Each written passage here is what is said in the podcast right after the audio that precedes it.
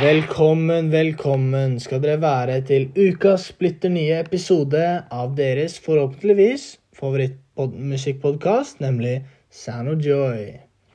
Og vi starter dagen med et lite klipp fra Motley Crew, der vi hører 'Kickstart My Heart'. Personlig er dette en slager for meg, og det er en fin sang å starte dagen med. Det får meg til å våkne opp skikkelig og være klar for å angripe dagen. Men nok om det. Dagens episode den blir spennende. Vi skal som vanlig eh, svare på et av spørsmålene fra lytterne. Og vi skal sammen snakke litt om vår kjente og høre på musikk fra vår kjente Cezinando. Og grunnen eh, til at eh, vi skal høre på Cezinando, er nemlig spørsmålet som har blitt sendt inn. Fordi her har vi en ung lytter som heter Ludvig, som har fått en litt kjedelig oppgave, sier han. Jeg kan lese opp, jeg. Ja. Hei, jeg heter Ludvig. Eh, jeg har sendt inn dette spørsmålet fordi jeg trenger litt hjelp. Jeg har fått en oppgave som jeg syns er litt kjedelig og kanskje litt vanskelig på skolen. Ja, vi får se på det da, Ludvig. Eh, videre skriver han. Jeg har eh, nemlig fått i oppgave av å eh, skrive en sammensatt tekst, eller lage en podkast eller en radiosending av en modernistisk tekst. Men jeg er litt usikker på hvordan jeg skal løse det. Men jeg har da kommet til enighet med meg selv og velger en krokodilletåre fra Cezinando. Ja, det er jo et interessant valg. Eh, men vi skal prøve å hjelpe deg, Ludvig. Og av den grunnen så har vi fått besøk av vår hyggelige gamle venn, nemlig Jan. Ja, Jan. Hvordan går det? Jo, det går meget bra. Veldig hyggelig å få være her igjen. Eh, det må jeg si.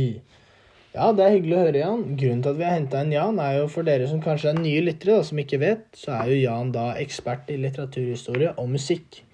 Og dette kommer til å komme godt eh, med i dagens episode. Eller hva, Jan? Eh, jo da, jeg håper jo det. Ja, men skal vi bare hoppe rett i det, Jan? Ja, det kan vi. Ja, Kan ikke du fortelle litt om Vi kan starte litt da, fra scratch. Hva er modernisme, for de som ikke vet det? Og kan du ta noen kjennetegn, kanskje? Ja, det kan det. Modernisme var en litterær epoke som begynte å blomstre på slutten av 1800-tallet. Og da slutter rundt 1970, kan man si. Men den er fortsatt i dagens samfunn og, og utvikla seg til en nyere type modernistisk eh, sjanger, da. Men ikke den eh, helt gamle. Den er ikke med oss i dag. Den har utvikla seg som alt annet i samfunnet har gått videre. Ja, men noen kjennetegn kanskje da, til denne typen modernismen? Ja, jo, det noen kjennetegn til det er jo f.eks. et eksperimentielt formspråk.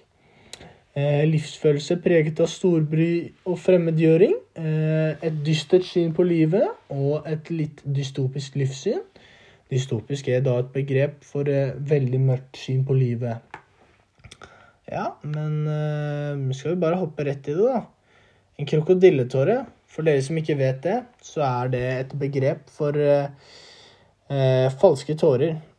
Dette stammer da fra middelalderen, da man trodde at krokodiller kunne lage gråtelyder som en baby for å lokke til seg mennesker de kunne spise. Ja, hva tenker du, Jan? Kanskje det er det denne sangen handler om? Uh, det vet jeg ikke. Vi får vente og se. Ja, skal vi bare hoppe rett i det, da? Det kan vi. Ja, han starter jo da allerede på starten her, da han synger 'En venn fortalte meg', 'Min mor, hun elsker meg ikke lenger'. Bror, jeg tror, jeg tror jeg Det er jo dere to. Ja, hva tenker du om starten?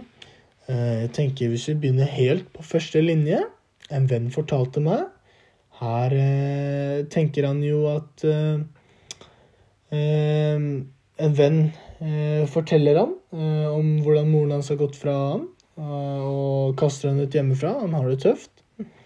Og da går resten av sangen da ut på tankene til han vennen om Cezinando. Hva vennen til Cezinando tenker om Cezinando.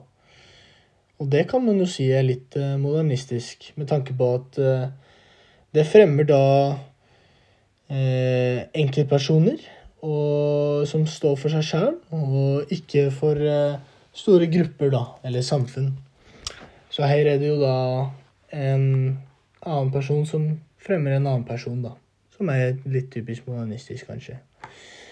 Uh, et annet eksempel på at denne teksten, eller sangen, da, er modernistisk, er det er veldig mye mørke metaforer og eh, vers i denne sangen, som har et litt mørkt livssyn. da. Som eh, blant annet eh, når han synger rare lyder, lekker ut av badet, samme lydene som en klapperslange. Her bruker han da klapperslange som en metafor for en pilleboks. For en pilleboks lager samme lyd når du rister den, som eh, en klapperslange gjør når den klapper med halen. Og her eh, hinter han jo da til eh, rusmisbruken hans og det tunge stedene han har vært i livet, da. Så igjen da et eksempel på modernistisk sang. Et annet eksempel for eksempel jeg, Jeg ler ikke av det samme to ganger, men jeg gråter for det hver, samme hver kveld.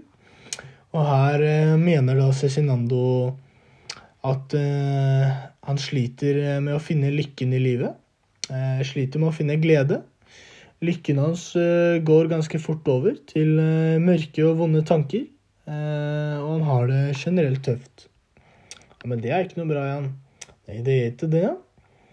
Eh, et annet eksempel er jo når han synger 'Jeg ser ut som dritt', 'Du lukter bare litt svette', 'Dårlig hasj og jentesjampo'. Mitt har begynt å stinke rulleskøyter.